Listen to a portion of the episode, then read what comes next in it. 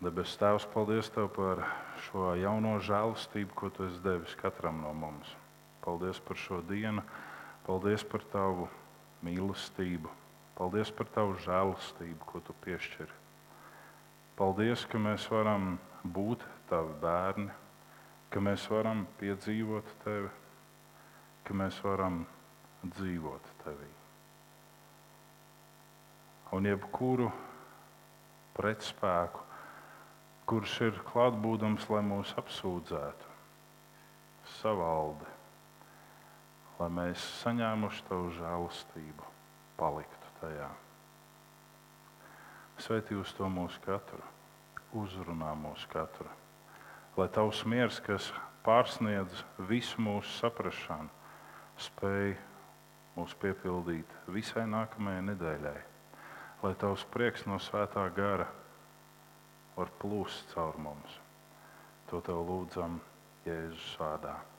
Es ar katru, kurš ir klātienē, un es ar tiem arī, kas dažādu apsvērumu dēļ nevar būt klātbūdami šeit. Pieskaries Tēvs tiem, kas cieš no kādām kaitēm, pieskaries tiem, kas ir nespējā, sagurumā, lai katrs no draudzes piedzīvo tavu svētību vienādā mērā. To tev lūdzam Jēzus vārdā. Un katrs, kas ar nicināšanu vēršas pret tevi, pret mums, kā tavu bērnu saimi, mēs lūdzam, esi žēlsirdīgs mums un viņiem.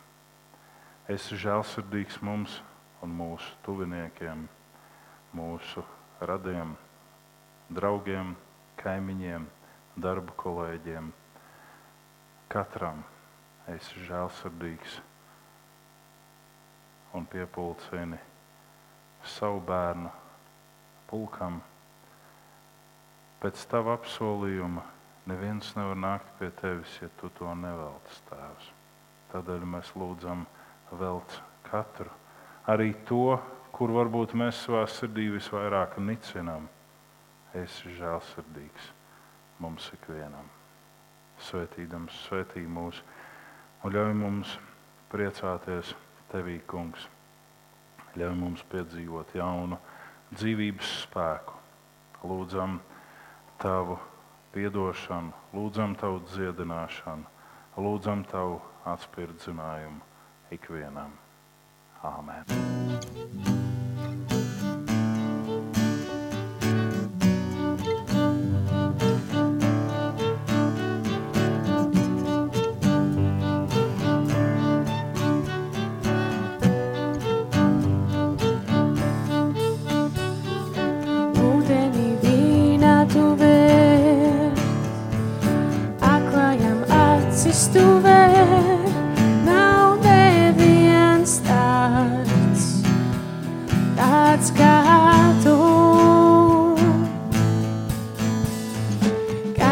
Kas tumsībā spīd, ārā no pelniem uzcēl, nav neviens tāds, tāds kā tu. Mūsu Dievs lielāks, mūsu Dievs stiprāks, augstāks tu Dievs un pār visiem pārāks, mūsu Dievs dziedē, pārens viņš spēkā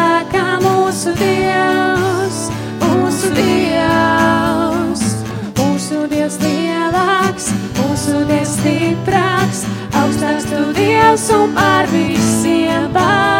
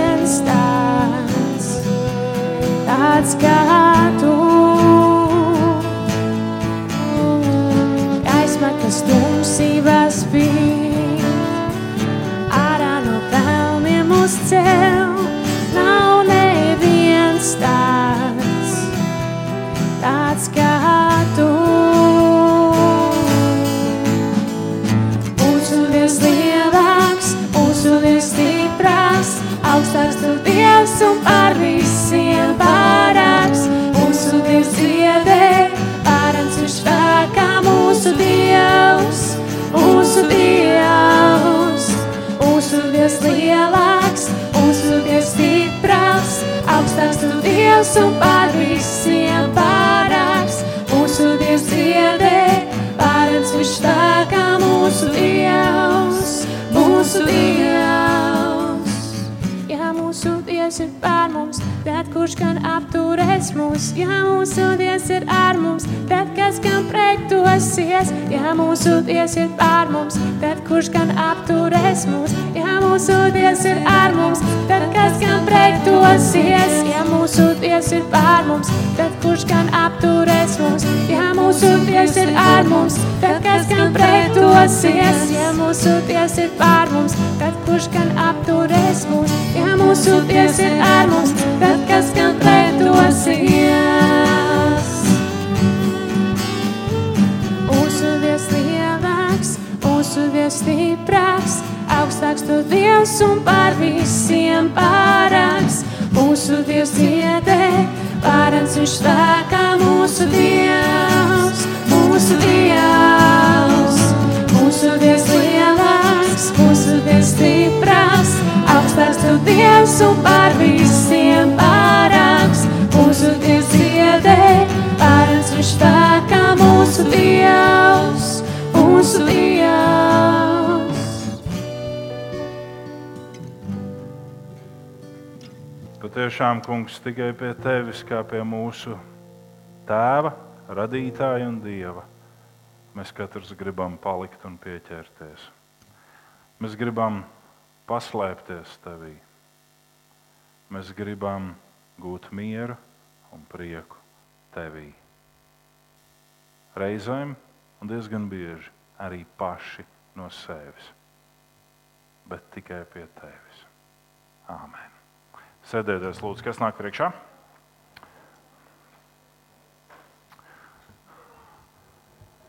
Šodien jūs esat ļoti kuplā skaitā, vai ne? Droši nāc, nekautrējies, nāc tuvāk. Dosieties uz sēdienas skolu. Pastāstiet man vienu lietu. Kā jums patīk rudens un lapas? Patīk. patīk?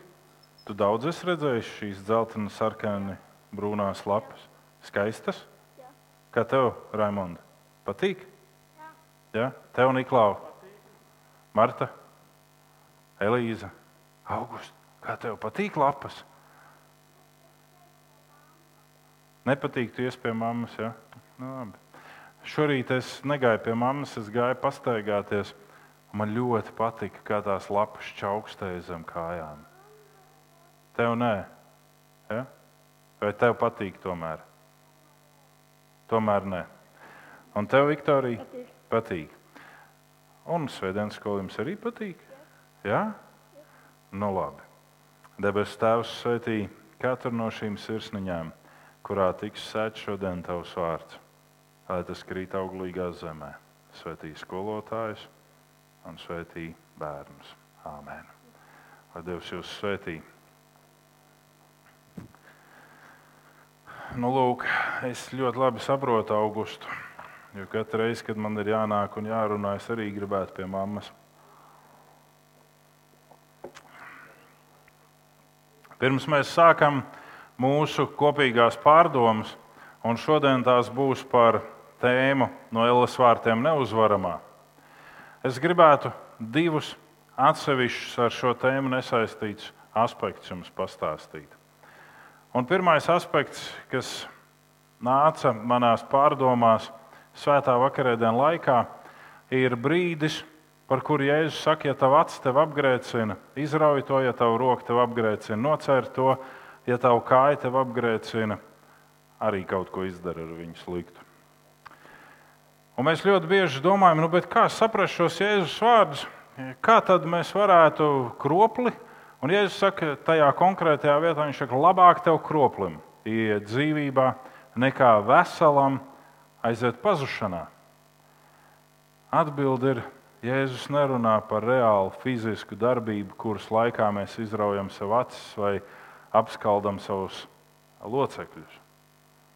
Acis vienskaitlī Bībelē tiek lietot apzīmējot attieksmi. Ja tava attieksme ir grēcīga, noraidi to. Rokas runā par darbību. Ja tava darbība, ja tava rīcība, ko tu dari, ir nepareizi, grēcīgi, atsakies no tās. Kājas ir ceļi, pa kuriem mēs staigājam. Ja tu ej pa nepareiziem ceļiem, noraidi to. Un daudzu citu cilvēku acīs tu izskatīsies kā kroplis. Un Jēzus saka, tad labāk tu ieej dzīvībā, kā viņu vērtībā esošs kroplis, nekā viņu pieņemts, tu aizēji pazušanā. bija kāds kāzu pasākums. Un pēc šī kāzu pasākuma, jeb šī kāzu pasākuma laikā, viens puisis piegāja pie rabīna un teica, Rabīni, jūs man noteikti atceraties. Viņš tā pirmā brīdī samulsa un teica, nu, ne pārāk. Un puisis teica, savu vārdu un uzvārdu. Un rabīns teica, ah, jā, trešajā klasē bija tavs skolotājs. Un puisis teica, jā, pareizi. Un jūs esat tas, kas man iedvesmoja kļūt par skolotāju. Un rabīns saka, es patiešām nu, ļoti patīkami, bet ko es tādu izdarīju? Un puisis saka, jūs neatceraties to situāciju? Viņš saka, nē, par ko tu runā? Viņš saka, ka bija tā situācija, ka vienam manam klases biedram Vecāki bija uzdāvinājuši ļoti fantastisku rokas pulksteni, un es iekāroju to pulksteni. Un kamēr tas pulkstenis atradās žaketes kabatā, pakārts pie sienas, es nozagu šo pulksteni. Un šis zēns, kuram bija uzdāvināts pulkstenis, gāja pie jums un jums sūdzējās. Un jūs sasaucāt visus mūsu klasē un teicāt, kurš ir nozadzis šī zēna pulksteni, lūdzu, atdodiet.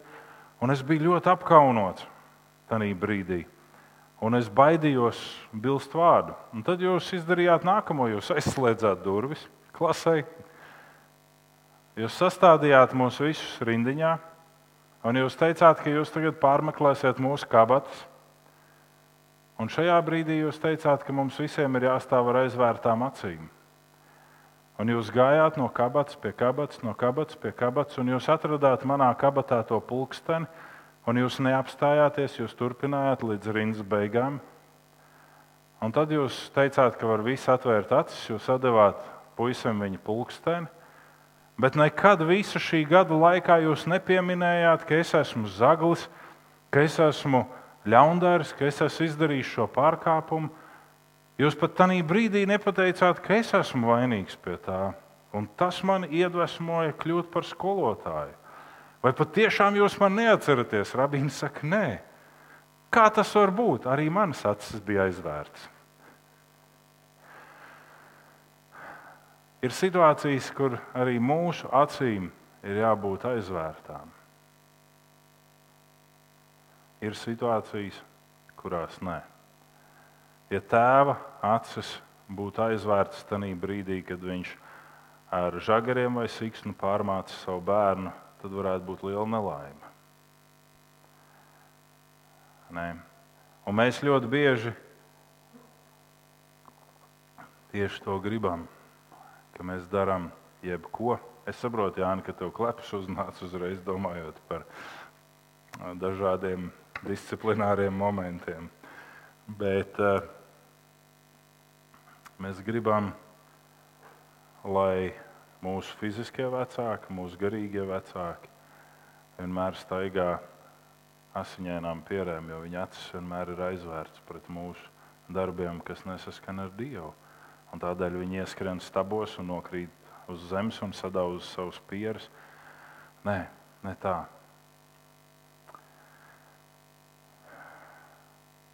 Šodien jūtu, ka vajag apstāties pie šī nozīmīgā aspekta kam būtu jāparādās visā ticīgo dzīvē un ikdienā. Bet tas neparādās un nav piedzīvojams ļoti bieži. Tad, protams, ir atrodami neskaitām šķēršļi, kuru dēļ ticīgajiem ir attaisnojums nedarīt to, kas būtu jādara, nerīkoties tā, kā tas būtu jādara. Un arī savā leksikā būt atšķirīgiem. Saprotams, ka mums ir iespējams apgalvot, ka Dievs žēlastībā glābs visus, un neatkarīgi pa kuru ceļu mēs ejam, mērķi sasniegsim.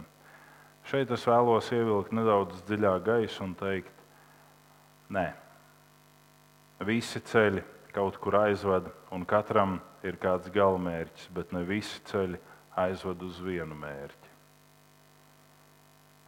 Daudz atbildes var būt tuvas un pat ļoti tuvas jautājumā uzdotajai patiesībai, bet tikai viena ir tā, kas atbilst īstenībai, vai vismaz izvirzītajai īstenībai.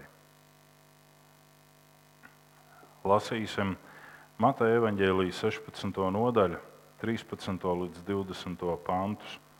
Mateja 16, 13, 20. Klausīsimies kājās piecēlušies un lasīsim kopā. Nonācis Filipa Cezarejas robežās, Jēzus jautāja saviem mācekļiem, par ko ļaudis uzskata cilvēku dēlu. Viņi atbildēja, vieni par Jāni Kristītāju, otri par Eliju, vēl citi par Jeremiju vai kādu no praviešiem. Viņš tiem jautāja, ko jūs sakat? Kas es esmu? Sīmans Pēters viņam atbildēja, tu esi Kristus, dzīvā Dieva dēls. Jēzus viņam atbildēja, laimīgs tu esi Sīmāns, Jonas dēls, jo miesa un asinis tev to neatklāja, bet mans debesu tēvs, es tev saku, tu esi Pēters, un uz šīs klinces celšu savu baznīcu, un Elas vārti to neuzveiks. Es tev došu debesu valstības atslēgas, tas, ko tu siesi virs zemes, būs siets arī debesīs, un tas, ko tu atraisīsi virs zemes, būs atraisīts arī debesīs. Tad viņš saviem mācekļiem pavēlēja, lai tie nevienam nesaka, ka viņš ir Kristus. Āmen. Debesu Tēvs lūdzu Tavu svētību šim vārdam un lūdzu Tavu svētību, lai mēs katrs esam ne tik vārda klausītāji, bet arī īstenotāji. Āmen. Sēdieties. Ir dažādi viedokļi un par daudz ko. Vai tas attiecas tikai uz Jēzu? Nebūtu nē. Tas attiecas uz visiem, katru un ik situāciju. Tikai pirms dodamies tālāk, ievērosim mazu brīdinājumu. Nav objektīvi, ja mēs paceļamies tik augstu, ka dievam vairs nav vietas kā tēvam mūsu dzīvē. Jo tad viņš var ierasties kā ķēniņš un kungs. To arī raksts mums apliecina, ka viņš var ierasties tad, kad mēs viņu vismazāk gaidām, un dot algu līdz ar neticīgajiem un ļaundariem. Tas norāda uz to kategoriju, kas saņemtu algu, kādi ticīgie un kādi ļaundari. Kāpēc ticīgie? Tāpēc, ka neturēja godā ķēniņu un kungu, bet savā sirdžu neprātā nodevās algdievībai, spītībai un dažādam ļaunumam.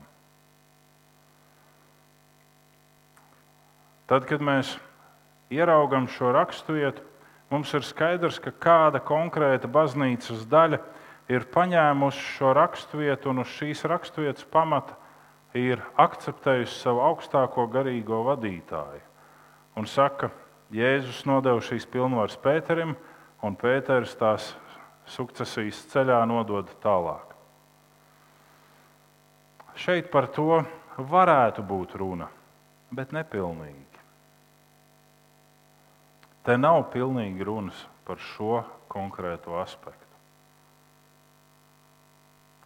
Kas ir Jēzus tev? Ir pirmais jautājums, kuru es gribu jautāt sev un tev šajā dienā. Kas ir Jēzus tev? Vai Jēzus tev ir kaut kas tāds, kas neievēro neko no tā, ko tu dari, un kas saka, vienalga, kā tu tici, vienalga, kā tu ej, bet Tu jau sasniegsi mani, viss kārtībā. Man reiz kāds cilvēks teica, bet vai tu domā, ka tādā situācijā, kad viens pareizticīgs brālis, kurš ticēja un gāja cītīgi uz pareizticīgo baznīcu, un savas dzīves posmā nonāca ratiņkrēslā. Un tad sāka praktizēt zenbudismu, kas viņu izcēla no šiem ratiņiem. Vai tu gribi teikt, ka Jēzus viņu nevadīja tur? Ko jūs teiktu?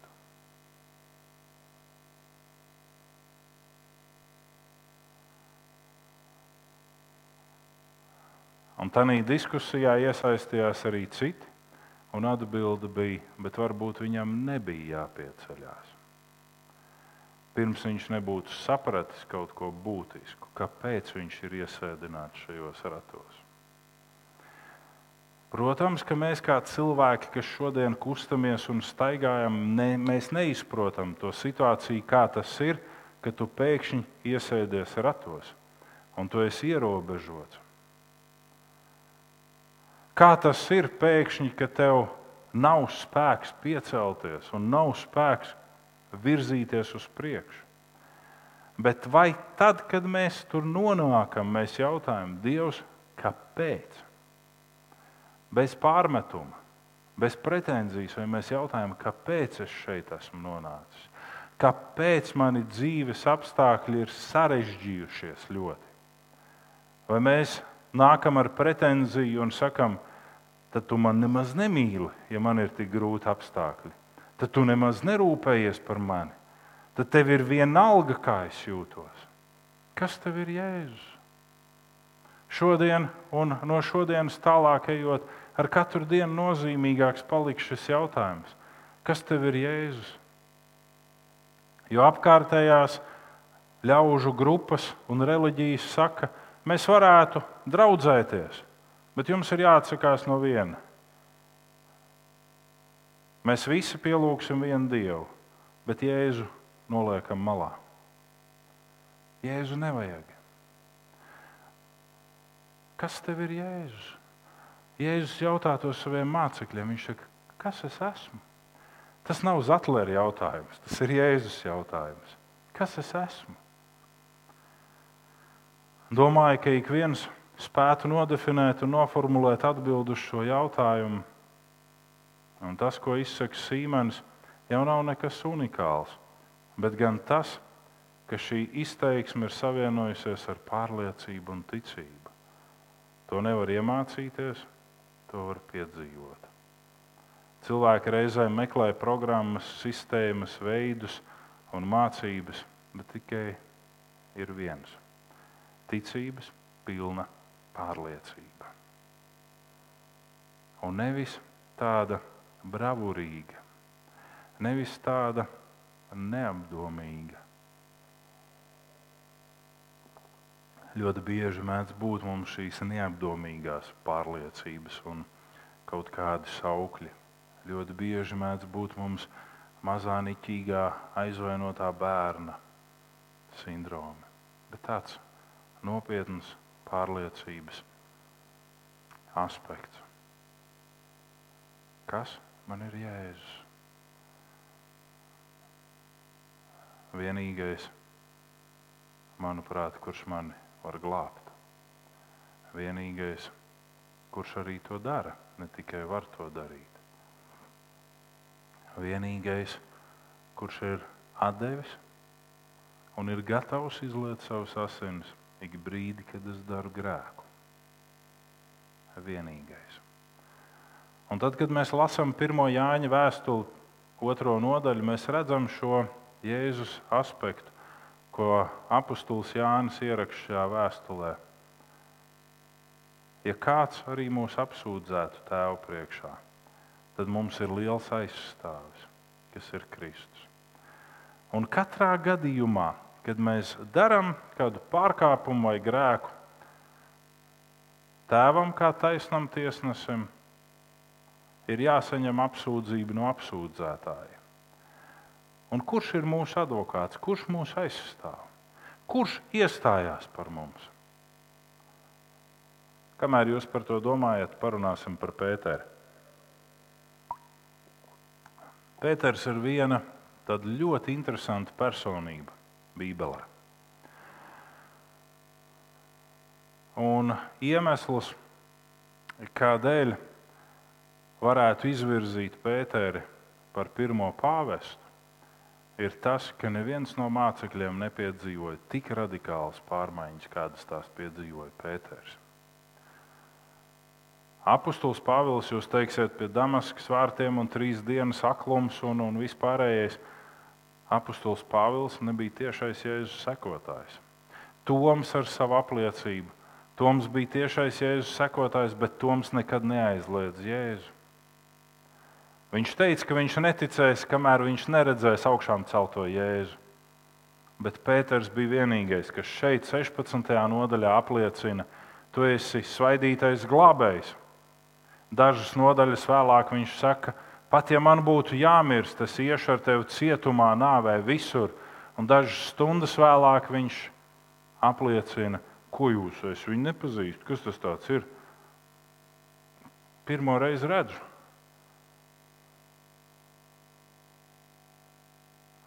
Un tad Pēters mainās. Un tad notiek lielā Pētera atgriešanās. Un tikai šo atgriešanās epizodu dēļ viņš ir tik ļoti nozīmīgs, ka viņam varētu pielikt klāt šo nosaukumu svētais, jeb nošķirtais, jeb laimīgais.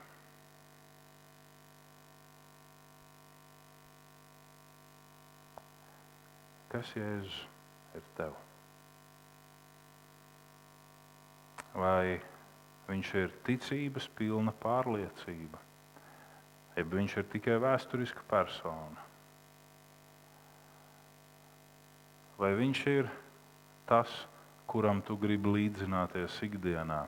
Un nevis tāpēc, ka tu apvilksi austrumnieku tipu apmetni un staigās sandalēs, ziemas laikā, vai tu vēlies viņa raksturam līdzināties? It visā. Par to jau mēs runājam mazliet dievkalpojuma sākumā, ko nozīmē līdzināties viņa raksturam. Jo pat esot krusta nāvē par grēku, vainu, slimību un dažādu ļaunumu piesistam, Viņš teica, piedod tiem. Tas ir šis es žēlsirdīgs man un visai pasaulē. Piedod tiem. Apliecība ar darbiem, ikdienu un attieksmi.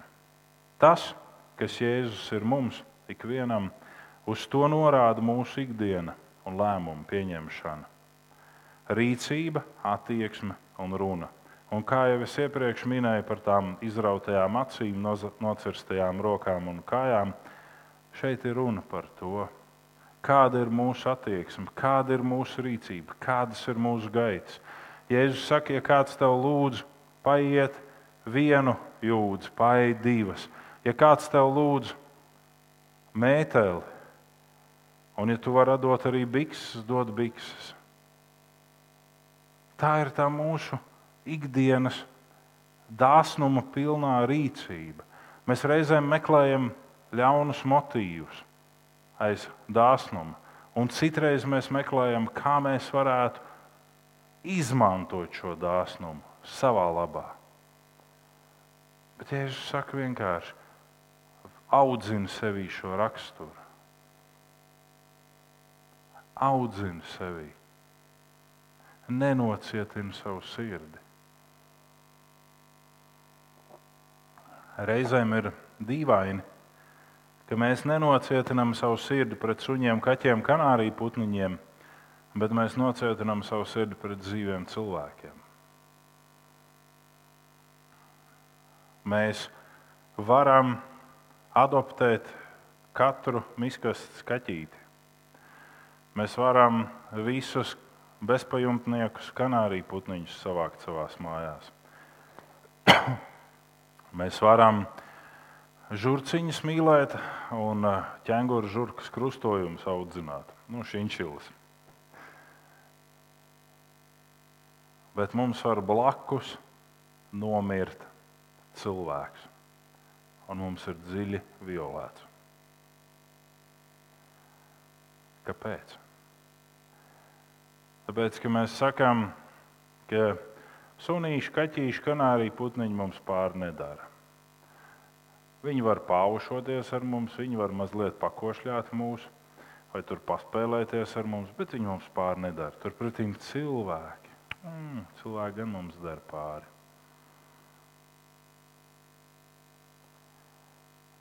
Cilvēki ir vienīgie, kas ir Dieva līdzjūtībā. Un vienīgais, kas reāli strādā pie mūsu rakstura trenēšanas un žēlsirdības praktizēšanas, ir cits cilvēks. Ne sunīši, ne kaķīši, arī ne kanārija putniņi, arī ne ziltiņas. Mēs sakām, jā, bet bērniem tas māca atbildību un, un, un, un ah, ir labi. Runāsim par Dievu vārdu. Par bērniem mēs runājām citreiz.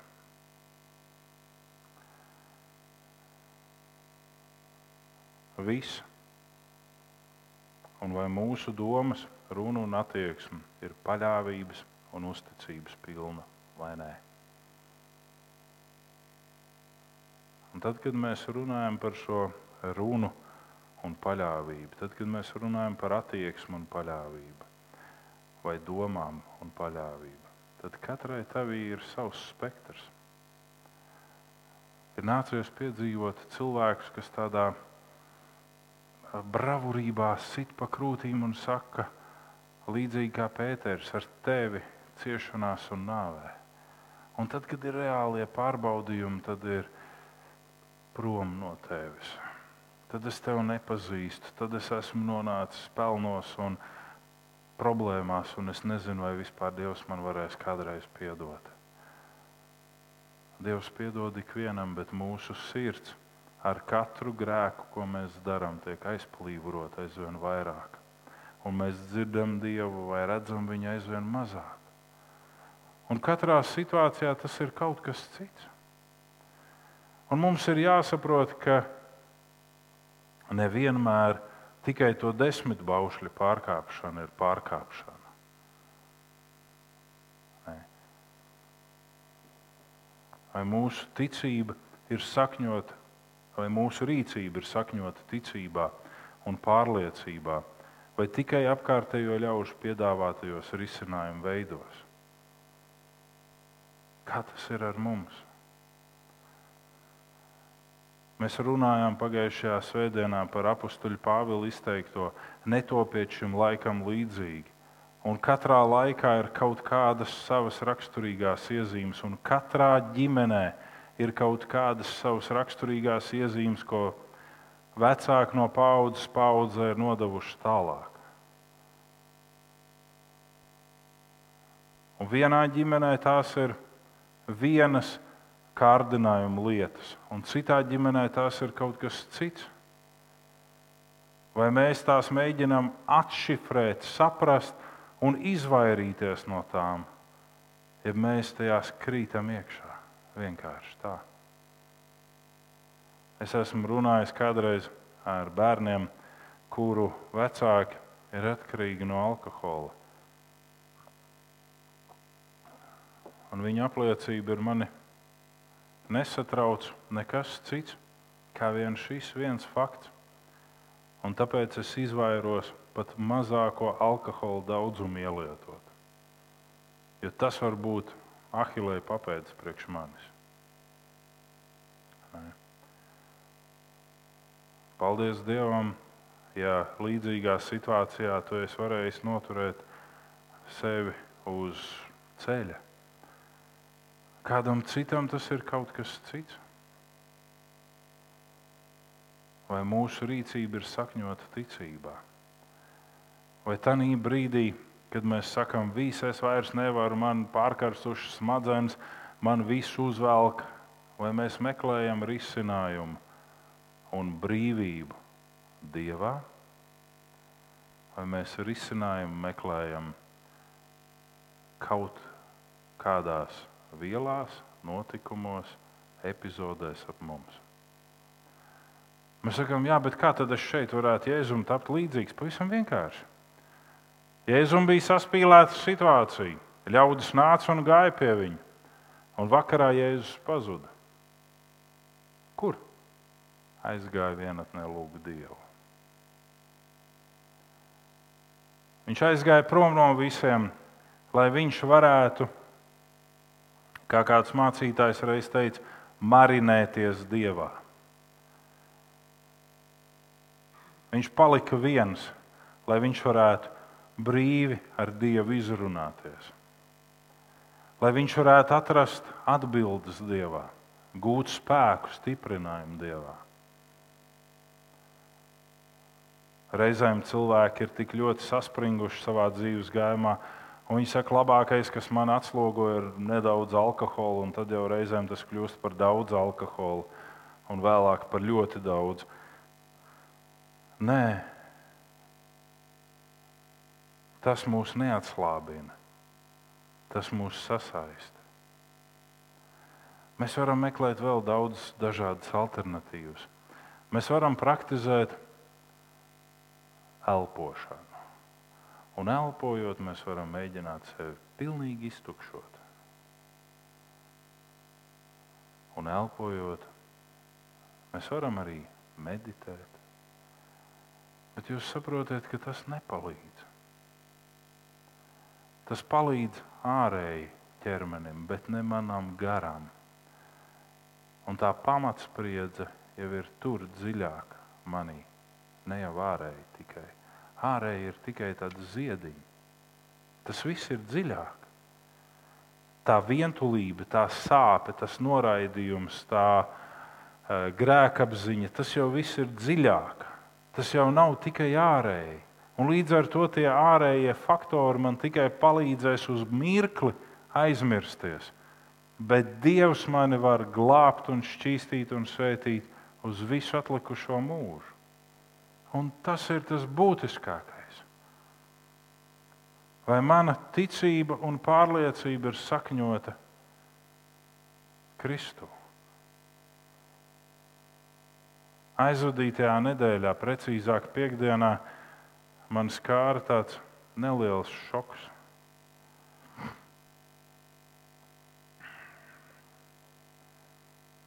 Tālāk nestāst.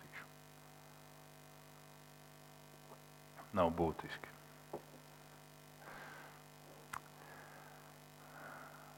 Man ieskanējās telefons, un es mazliet bolīju acis par to, kas man zvana. Es domāju, ko šī persona grib no manis, varbūt kādas aizlūgšanas vai kā. Un tad sākās saruna. Un nedaudz atšifrējot šo sarunu vēlāk vakarā Agijai, Viņa teica, bet tēt, es nesaprotu, kāpēc. Es neteikšu burtiski viņas vārdus, bet pret tevi attiecās kā pret neko. Tevi mīcīja, tevi daudzīja, morāli domāts. Ir. Kāpēc? Par ko? Un šis zvans apliecināja to, ka es esmu izvirzīts universitātē apbalvojumam, kas man tiks pasniegts 7. novembrī.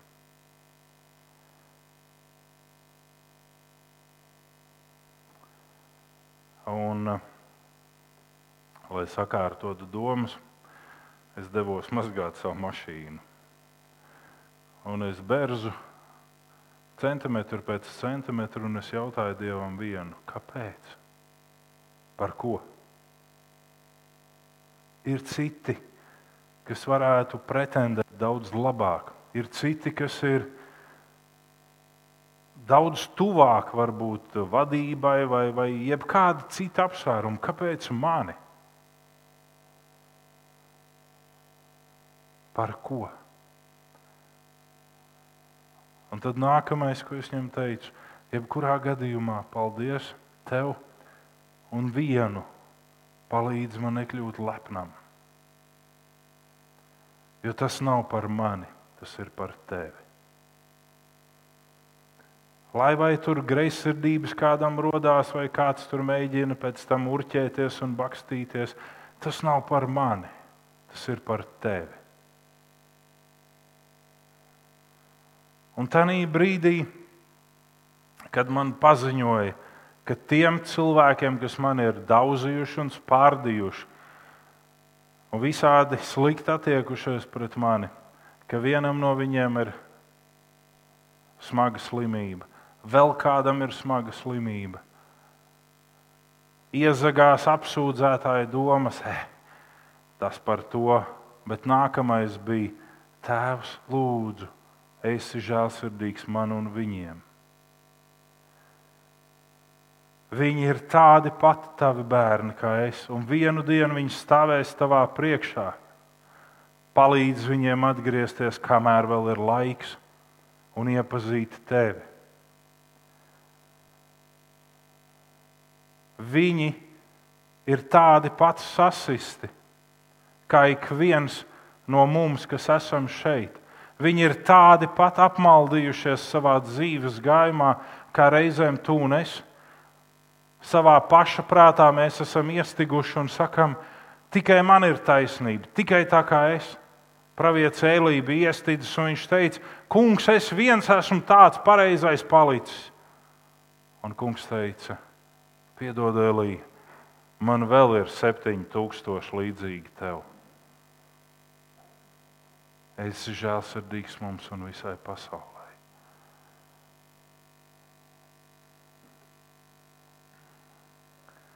Tanī brīdī, kad mēs iegrimstam apkārtējo ļaužu piedāvājumu un risinājumu veidos, mēs aizmirstam ticību, mēs aizmirstam savu pārliecību. Mēs aizmirstam to, kas ir ierakstīts Dieva vārdā.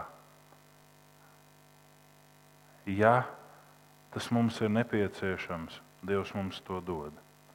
Un Dievs mums dod vairāk, kā mums ir nepieciešams. Un tad, kad Viņš mums dod, Viņš mūs pārbauda tajā, ko Viņš mums dod. Vai mēs godprātīgi šo lietojam, vai mēs nekļūstam par sniega kombainiem. Un tas, ko Viņš dod, ir jebkas. Tā var būt sākot ar šādu atzinību un beidzot ar finansēm. Tas var būt dzīves telpa, automobīlis paklājs, kas mums ir ļoti nepieciešams, vai krūzīt, no kuras mēs dzeram, jebkas, kas mums ir vajadzīgs. Citreiz viņš dod mums spēju ar savām rokām nopelnīt, citreiz tas mums atnāk kā sveiciens vai dāvana. Ir dažādas situācijas. Bet katrā no šīm situācijām viņš rūpējās par mums. Un vai mēs redzam viņu kā mūsu galveno pārliecības iemeslu, ja mēs sākam ieklausīties tajos risinājumos, kas ir ap mums? Ejam tālāk. Apliecība nav pats Pēters persona. Apliecība ir klīns Mēs ļoti bieži gribētu redzēt, ka Pēters, kā Petrus, kā liels akmens, kā klinsbluķis, ka viņš kā persona ir tas, uz kura Jēzus būvē draugu. Bet Jēzus paziņo, ka viņš savu draugu būvē uz šo apliecību, uz šo liecību. Tu esi svaidītais glābējs. Tā ir tā apliecība, uz kuras tiek būvēta draudzene draudzes pamatā citas apliecības nevar būt. Šī tava un mana ticības pārliecība, kas atainosies mūsu darbībās, būs arī tā klīns, uz kuru mēs atrodamies. Vai mēs atrodamies uz Kristu, vai mēs neatrodamies? Vai Kristus daba dominē mūsos, vai mūsos dominē mūsu neiecietība, nesavāktība, spītība. Vai nu tā ir akmenim līdzīga klīns, jeb tā mūsu pārliecība ir smilšu kaudzīta. Atcerieties, ka es jums esmu stāstījis par savām bērnības gaitām. Un tur, kur es dzīvoju ar Romu, tur bija tāds uzkalniņš. Un šis uzkalniņš bija veidojies no tā, ka kādreiz tur bija kaut kāda māja bijusi. Kara laikā bija nobombardēta, vai šķūnis, vai māja, vai vienalga kas. Un kaut kādi eh, drupu fragmenti bija palikuši. Un ar laiku tur bija uzveidojies uzkalniņš. Un man kā mazam bērnam likās, ka tas ir kaut kas. Un tad, kad mēs gājām uz jūru un nācām atpakaļ, tad tur bija jau lielāks uzkalns. Un jūs zināt, ka man kā mazam bērnam uz jūru iet patika, atpakaļ nākt nē, jo tad bija jākāpj augšā šajā kalnā. Un tad, kad minēja kādas Latvijas augstākās virsotnes, kā gaiziņu, vai mākoņu kalnu, tad priekš manis likās jau šie divi paugureļi kā milzīga vieta. Bet abi bija no smiltīm. Abi bija no nekā, reāli mēs varam teikt. Mūsu ticība un šī pārliecība, vai tā atrodas uz klints, vai tā atrodas uz smilšu auguriņa, kaudzītas mazas. Ticība ir tas aspekts, kas ticīgo padara par nenolaužamu niedri un nenodzēšamu degli.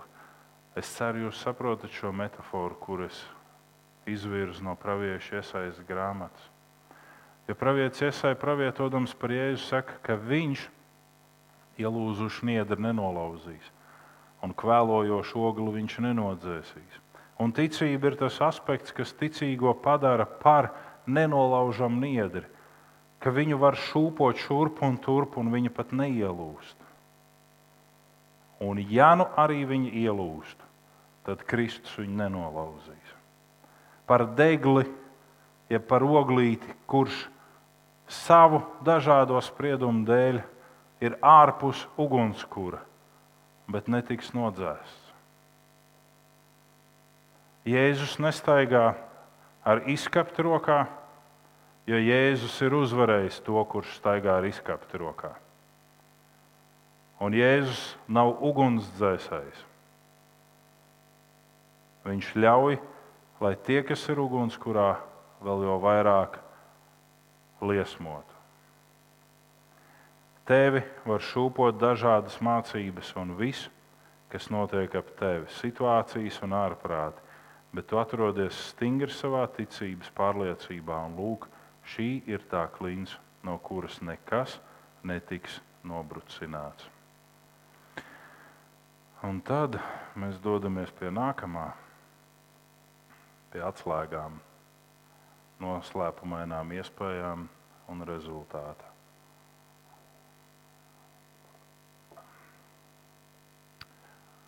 Mēs lasījām, ka Pēterim tiks uzticētas debesu valstības atslēgas.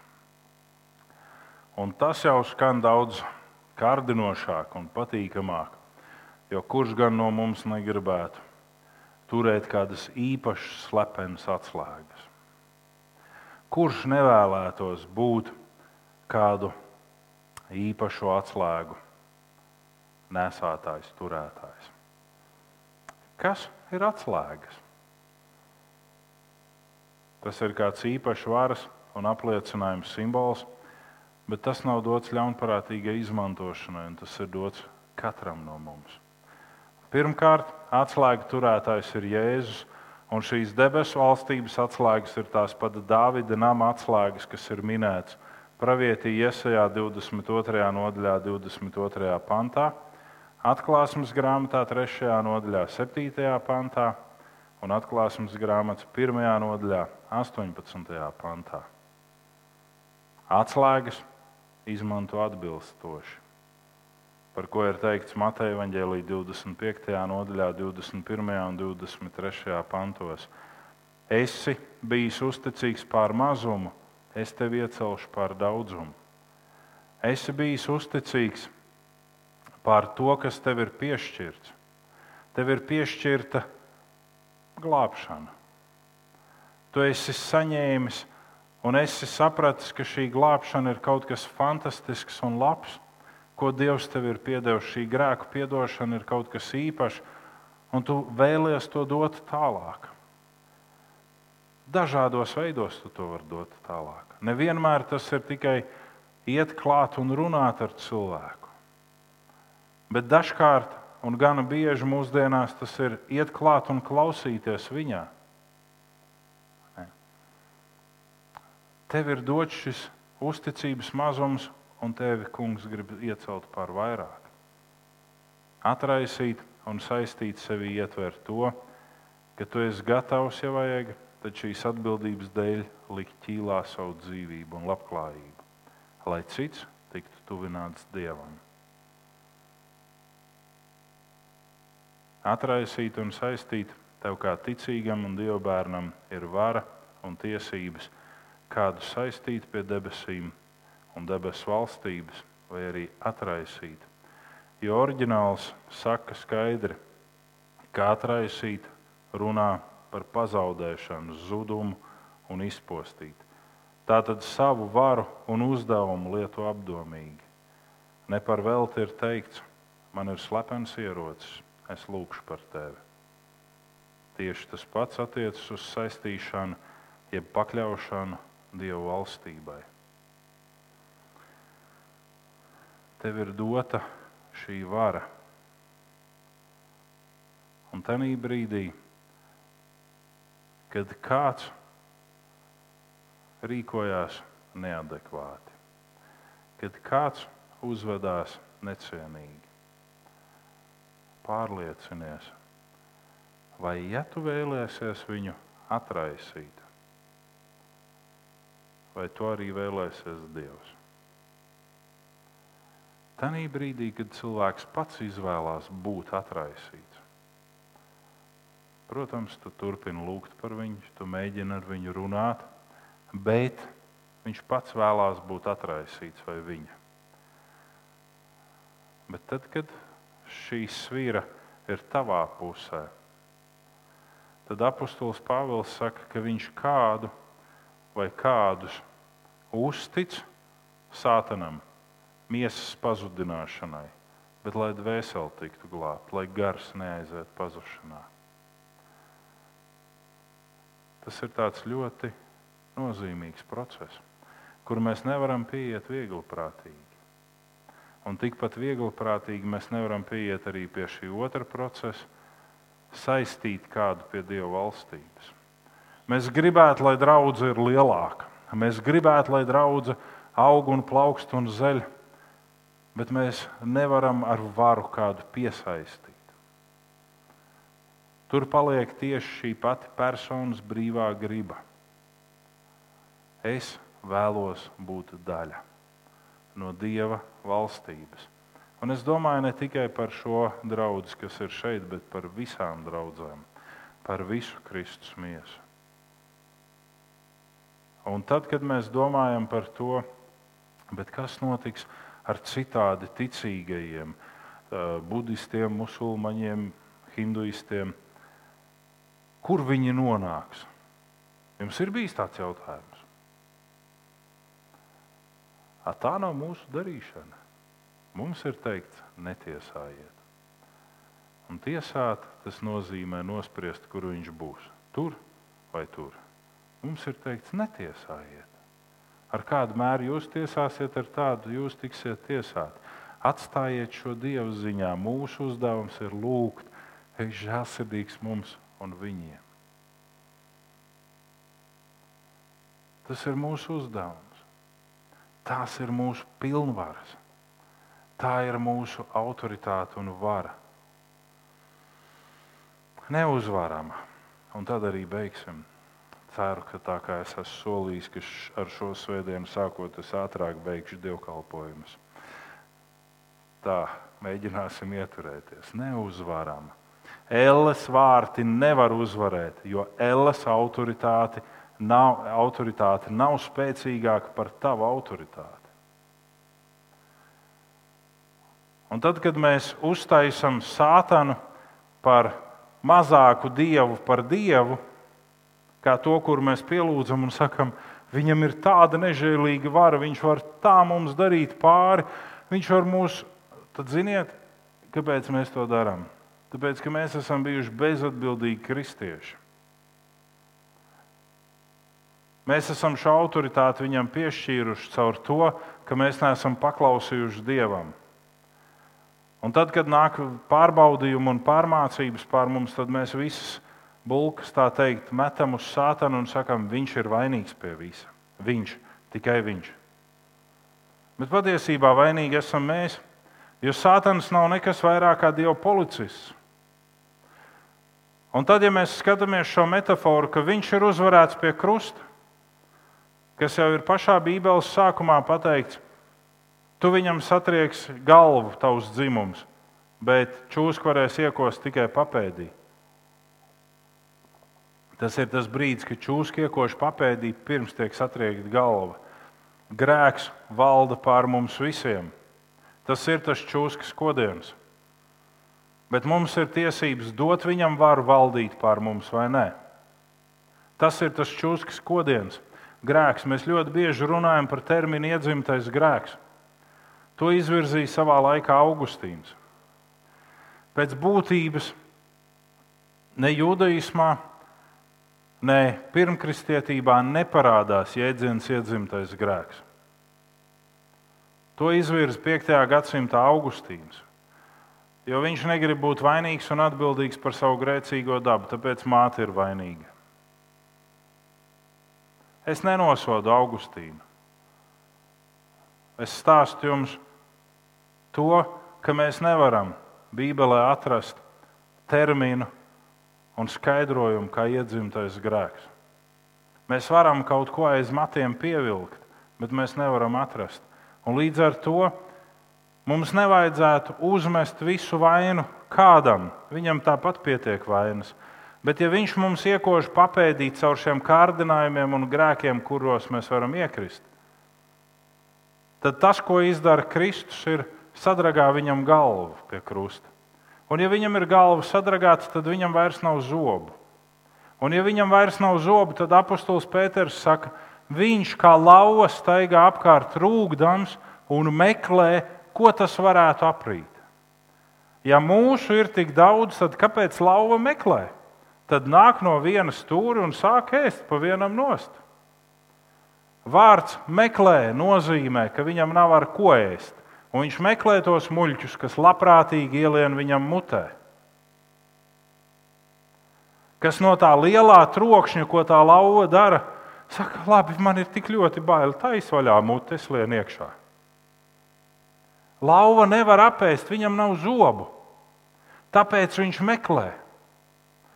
Un tajā brīdī, kad tu un es padodamies šiem visiem trokšņiem un visam tam masu spiedienam, kas ir ap mums, tad uzmanamies, ka mēs neesam tie, kas meklē iespēju ielīst lauvam rīklē, bet ka mēs meklējam iespēju klusā vietā lūgt Dievu. Tur ir mūsu spēks. Neuzvaramā draudzene, neuzvaramā kopiena. Kāpēc ir būtiski būt pie draudzes, piederīgam? Jo tad, kad mēs stāvam kā viena neuzvarama šūna, DNS masa, tad Kristus atklājās mūsu vidū. Dievs ir devis šo varu un atslēgas, lai tu būtu neuzvarams kā indivīds, kā draugs, kā līgava. Un tad, kad tu esi savā ikdienas gājumā, tu saki, tā ir tikai mana dzīve, bet tu tieši tāpat paliec daļa no draudzes. Tieši tāpat kā tad, kad policists man aptur, paldies Dievam, tas nav noticis sen, un es ceru, arī nenotiks. Ne? Bet, ja policists man aptur, saka, uzrādiet dokumentus, Viņš skatās, ah, Palo. A, jums, jums tēvs un brālis arī mācītāji, vai ne? Un tad tu sāc locīties un teikt, nu vispār jau laikam jā, bet nu, es to ātrumu pārsniedzu nu, kaut kā tā. Ir kaut kas, kas mani saista ar tiem palo. Un izrādās, ka tas policists varētu zināt manus radus. Un man tas nepatīk, jo šī situācija bija tāda, kur es gribēju tā kā paslaucīt zem tepiņa, lai neviens nezina, bet es zinu, ka tam policistam ir muti kā laida ar vārtu, un viņš izstāstīs visiem to. Ne? Un tieši tas pats attiecas uz tevi, ka tu esi piederīgs draudzēji. Tu saki, nē, es esmu viens indivīds. Es te atnāku uz 20, degvielu 24 vai ne, uzpildīties. Es esmu viens pats. Nē, tu neesi viens pats. Tu nes atbildību par kopību, kurai pēc savas izvēles tu esi piederīgs ar katru lēmumu. Ar katru lēmumu. Ja kādam no jums vēl nav un jūs vēlaties jauno grāmatu nogalināt kriptonīti, pēc dievkalpojuma pajautājiet man. Jūs varat saņemt savu kopiju. Un, ja jūs vēlaties draudzes jauno pielūgsmes albumu, tad arī parunājiet ar mani. Bet mēs tuvojamies tam, ka Dievs, kā vīrietis, un ebrejiskā jūs varat redzēt to, ka īš ir kā dodošais aspekts, kas dod. Dievs ir šis dodošais aspekts. Un sievietē, jebkurā sievietē, jebkurā no jums māsas, ir tāds mazs kodola reaktors noslēpts ir kodola reaktors, kas rada dzīvību un kas dod enerģiju. Jūsos ir kodola reaktors. Dievs ir dodošais aspekts, vīrietis ir dodošais aspekts, sieviete ir saņemošais aspekts, draugs ir saņemošais aspekts, bet sieva ir atbildīga par to, kur viņas vīrs būs. Caur šo enerģiju un dzīvības spēku, kas viņā ir, Vai nu viņa ceļ savu vīru, vai nu viņa gāž zemē. Un tagad man ir jautājums par mums, kā par draugu. Kā mēs attiecamies pret mūsu dodošo aspektu? Vai mēs viņu ceļam, ja mēs viņu gāžam? Vai tas kodola reaktors, kas ir mūsos, kā draudzē, tas dzīvības enerģijas spēks? Un starp citu, šis jautājums ir tas, kas parādās pēc grēkā krišanas. Tas nebija pirms grēkā krišanas. Neticiet man, pārbaudiet rakstos. Pirms grēkā krišanas Ādams un Ieva bija vienādi spēki. Īš un īšā, un nebija katram savs personu vārds. Un trešajā nodaļā, pēc grēkā krišanas un pēc izraidīšanas no paradīzes, pirmo reizi Ādams Ievu nosauc viņas vārdā Havā. Un Havā ir dzīvības devēja, ir šis kodola reaktors, ir šī enerģija.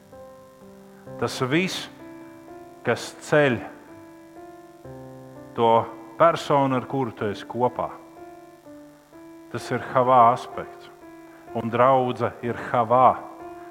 Draudzē dzimst jaunas dzīvības, un draudzene ir atbildīga par šo dzīvības resursu Un jautājums, kā draudzene, kā kopiena attiecās pret Dievu?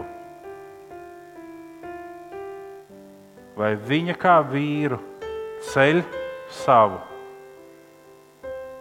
vīru un dievu, vai viņa viņu grauja? Kāda ir mūsu attieksme? Mēs esam neuzvaramie, mēs esam draugi Mēs esam šis dzīvības dodošais aspekts. Mēs esam veidot uz klints. Kā mēs attiecamies? Mūsos ir liela atbildība un mūsos ir liela enerģija. Mēs gribētu izmantot tikai to enerģiju, aizmirstot atbildību. Mēs nevaram to aizmirst jo tad mēs zaudējam savu būtību kā draugi. Lai Dievs svētī mūsu ikvienu, ka savā dzīvē mēs izmantojam gudri šo atbildību un spēku, kas mums ir dots, un esam dzīvību dodošais un uz augšu virzošais aspekts daudziem. Lai Dievs pieskarās mums katram individuāli un kā kopienai. Dziedāsim!